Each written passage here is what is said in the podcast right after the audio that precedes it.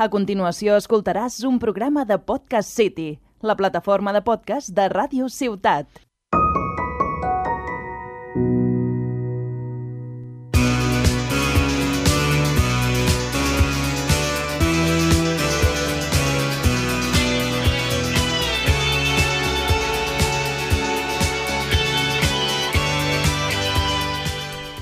Benvinguts a un nou episodi del podcast Parlem del Nàstic. Avui parlarem del partit contra l'Algeciras Club de Futbol, comentarem el pròxim partit davant l'Atlètic Balears i parlarem de la situació esportiva que travessa el club. El Nàstic de Tarragona guanya l'Algeciras Club de Futbol per la mínima en un partit que va tindre dos contrasts, dos contrasts ben diferents i el pròxim partit serà davant un Atlètic Balears que està en posicions de playoff i aspira a estar l'any que ve a la segona divisió. I començant pel que fa al postpartit, pel que fa al partit davant els Jazeeres, guanyem un altre cop 1 a 0 per la mínima, amb un gol del nou fitxatge de Dani Romera, i és el seu primer gol de la temporada, i des... que el gol ve després d'una jugada molt bona, que eh, fa una passada de Robert Simón en profunditat cap a Pol Domingo, que aquest jugador de la Pola Montornès dona l'assistència cap, cap a dit cap al golejador Dani Romera. I l'assistència la va donar Pol Domingo Siuraneta, que a cada partit m'agrada més i a més en aquest partit en concret donant una assistència i ja no només fa les accions defensives bé, sinó ja també les ofensives.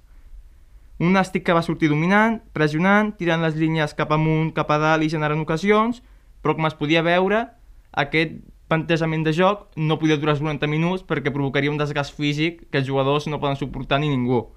I aquest domini només va durar la primera quart d'hora del partit perquè a partir dels 15 minuts inicials a l'Algeciras va començar a agafar les rendes del partit fins que anaven arribant, ells, va passar el contrari que els, 40, que els 15 minuts primers. Ells, ells ja dominaven més que nosaltres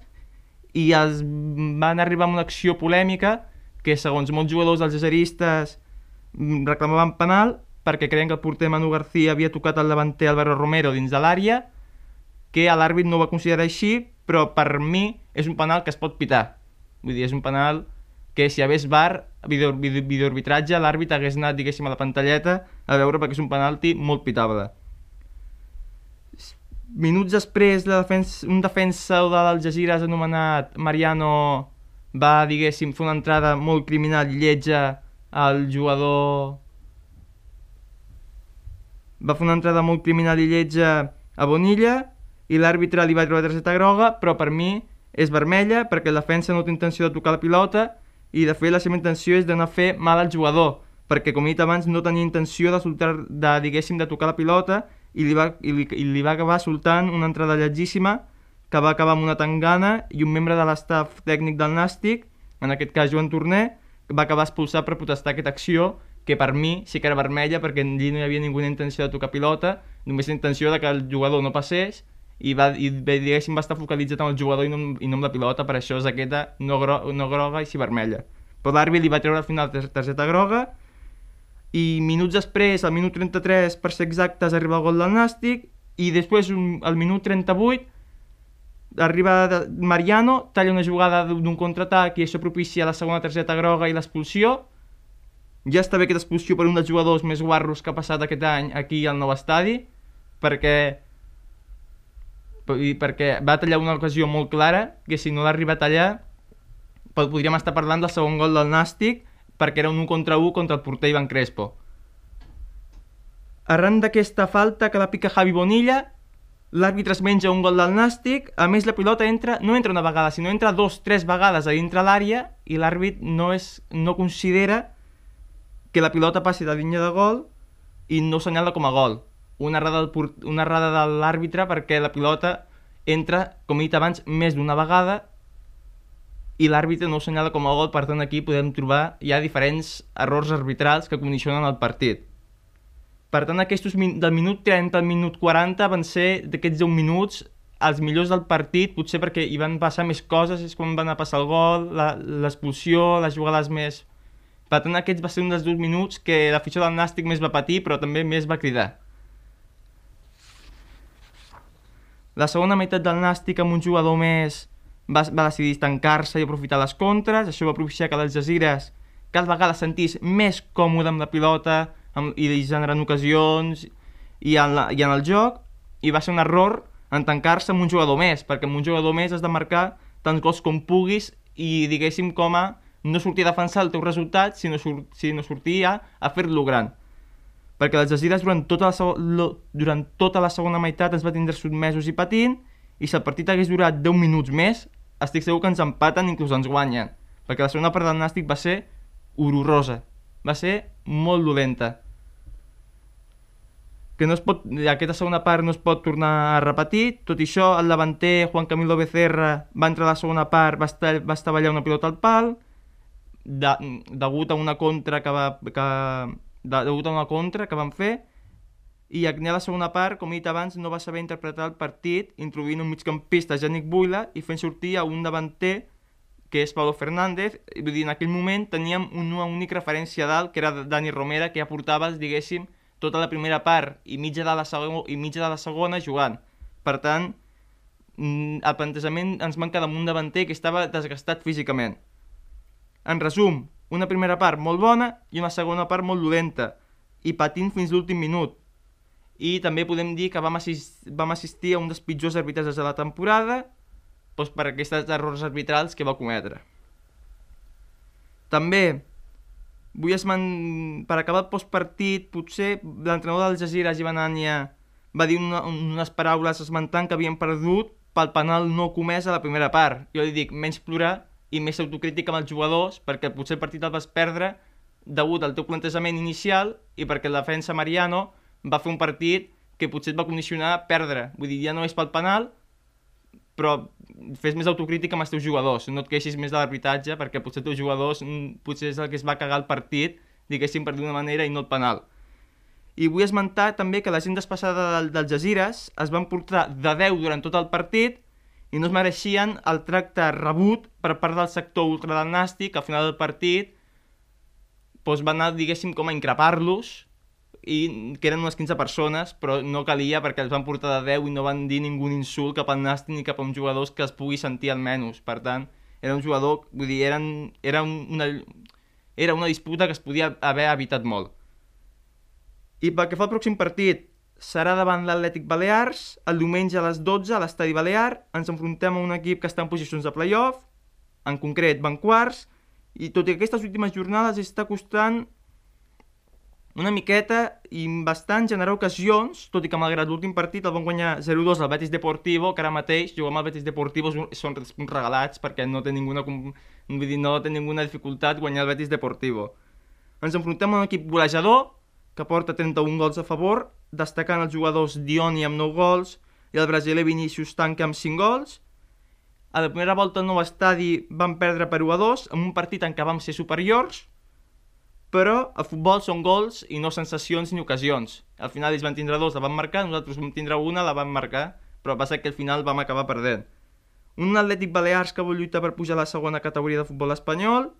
De fet, tenen equip que... Dir, tenen un equip que demostra aquest fet. I aquestes últimes setmanes, com he dit abans, les coses no surten del com els agradaria sortir i la directiva del, del Balears està replantejant, rumorejant que l'entrenador Xavi Cal està a la corda fluixa si el seu equip perd, que esperem que sí, perquè si el perd el podrien ja destituir. Una possible alineació seria Manu García porter, a lateral esquerra torna Joan Oriol, torna el capità, lateral dret Pol Domingo, ningú el treu d'aquí, parella centrals Quintanilla i Trilles, tampoc és, és la parella centrals ara mateix amb millor en forma física que té Nàstic, una mig del camp formada per Robert Simón, Elias Pérez, Pedro del Campo i Javi Bonilla, i a dalt podria estar formada per Dani Romero i Juan Camilo Becerra. I serà un partit molt difícil de guanyar, ells a casa juguen molt bé, serà, en, a la Copa del Rei van, van eliminar dos primeres, Getafe i Celta, serà un partit molt difícil de guanyar, com estic dient, i, haurà un, i serà un partit on haurem de fer pocs errors en defensa, que els estem fent, i aprofitar les poques que tenim a dalt. Si a dalt tens una, marcar l'única mar, mar, que tenim perquè de 50 no en tindràs. Tindràs les mínimes i les que te puguin, diguéssim, ocasionar.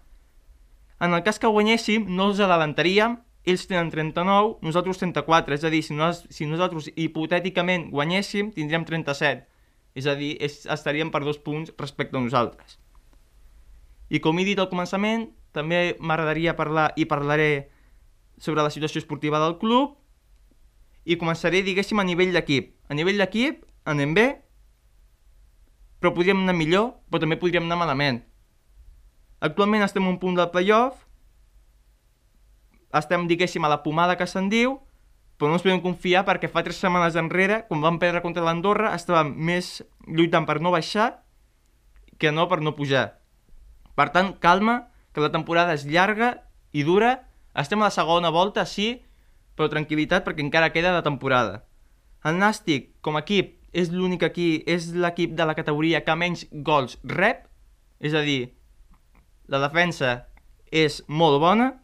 degut a que actualment Trilles i Quintanilla estan en un moment espectacular i a principi de temporada Itamir Tiles era bo.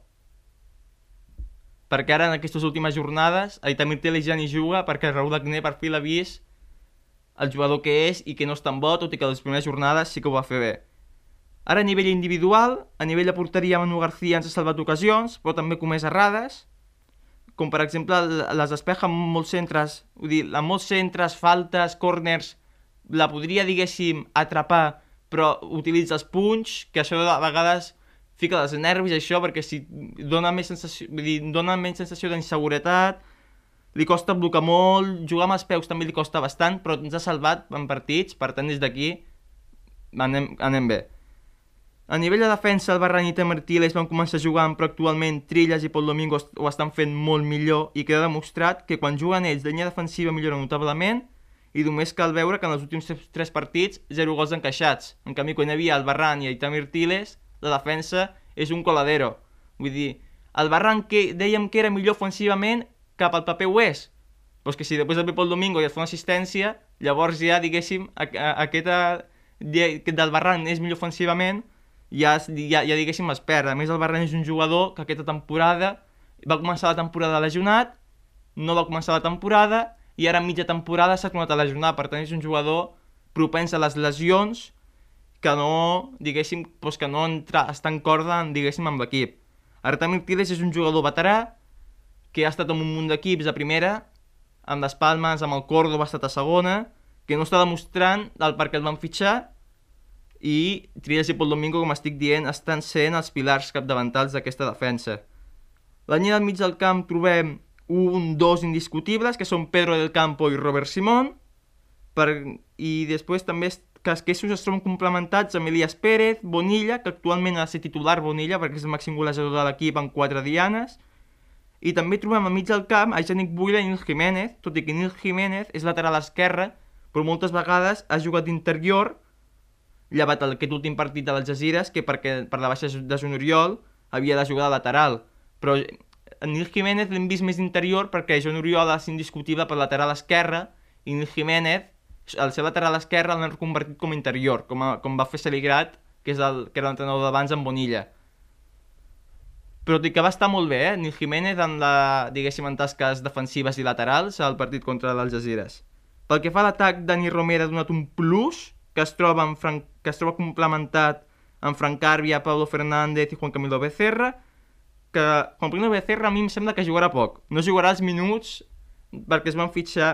perquè no el veig amb molta, diguéssim, encara li falta molt de rodatge i en mitja temporada no sé si aconseguirà, diguéssim, aquesta efectivitat i aquesta regularitat que podrà aconseguir en mitja temporada. I un Encar Hernández que va començar callant moltes boques, va començar a ser un, un dels màxims golejadors, marcant gols, però una lesió, podríem dir, de gravetat, l'ha tingut sense jugar i tornarà, i tornarà d'aquí poc a marcar gols amb el Nàstic, estem segurs. Les no, bones notícies han debutat Marc Montalvo en el partit davant el Castilla, tot i que va tindre molts pocs minuts perquè va ser un d'aquells canvis que es, que es diuen per perdre temps, perquè, doncs, per intentar rascar més minuts. També han debutat Valverde davant l'Andorra, i aquest Valverde té molt bona pinta i aquest cap de setmana va ser l'autor d'un doblet amb la Pobla de Mafumet al camp del líder, al camp de l'Olot, que va marcar dos gols i Víctor i, el, i Valverde té molt bona pinta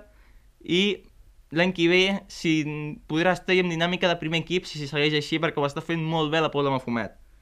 Recordem que ve de, de la Unió Esportiva Figueres. Un dels jugadors que té poc protagonisme és el marroquí Karim El Koucha. S'ha intentat buscar una sortida d'aquest mercat d'hivern, però no s'ha pogut concretar aquesta sessió que volia el Nàstic i al final està aquí, però és un jugador que no ha tingut minuts, no els està tenint i té pinta que tampoc els tindrà, perquè és com un jugador que li estem tallant la progressió i això afecta, diguéssim, el seu rendiment i al Nàstic també li pot afectar perquè és un jugador que apenas l'hem vist al jugar. És que no, no, ha, no, ha sigut titular i el que ha jugat han sigut els últims 10 minuts per, per, rascar, doncs per rascar temps una mica. Del que portem la temporada, la decepció està sent de Mirtiles, com he, dit, com he dit abans, un jugador que ha jugat a primera i a segona, està jugant bastant malament i el seu rendiment és bastant pèssim. Podria dir el Barran, però que el Barran ja no és una, ja, ja no és una decepció perquè l'any passat ja va quedar demostrat que no donava per més, diguéssim, el, diguéssim la, el seu joc no dona per més. Per tant, per mi seria Itami. I la revelació, sense ningú tipus de dubtes, està sent Robert Simon, ha sigut un dels millors fitxatges que, que ha realitzat el Nàstic des de fa en els darrers anys. Ho ha sigut al començament del fitxatge Robert Simon ve del Badalona, sí, però no. Era el fitxatge, però actualment no podem dir que hagi callat boques, però actualment és un dels tres millors de l'equip que està en forma i ho està jugant tot menys un partit, diria. Per tant, des d'aquí, vull dir, la bada, la bada de Badalona és indiscutible en aquest equip, pressiona, corre, té velocitat, té bon centre, li falta gol, però és que l'altre t'ho fa molt bé, vull dir, i, i dona allò, l'assistència perquè el davanter l'estigui allí i la clavi, que això també, eh, diguéssim, fa que sigui, vull dir, això és molt important també donar una assistència, perquè a vegades no és només marcar, perquè a vegades és més ser l'assistència que el gol. En definitiva, el Nàstic estem a un punt de playoff, si guanyem el partit, el més segur que ens fiquem dintre el playoff, un playoff que serà ser única com han dit avui, i un, a un partit. Per tant, haurem d'estar ben aquell partit, no hi haurà nada i volta com hi havia abans. I ara s'hem de centrar en aquest partit contra l'Atlètic Balears, que és clau, molt difícil de guanyar, i que si guanyem serà espectacular, perquè en quedaríem quatre victòries consecutives, ens ficaríem, com he dit abans, dins del playoff i ens allunyaríem dels puestos de descens que es quedarien ja molt lluny. I gràcies per escoltar-nos un dia més aquí al podcast Parlem del Nàstic.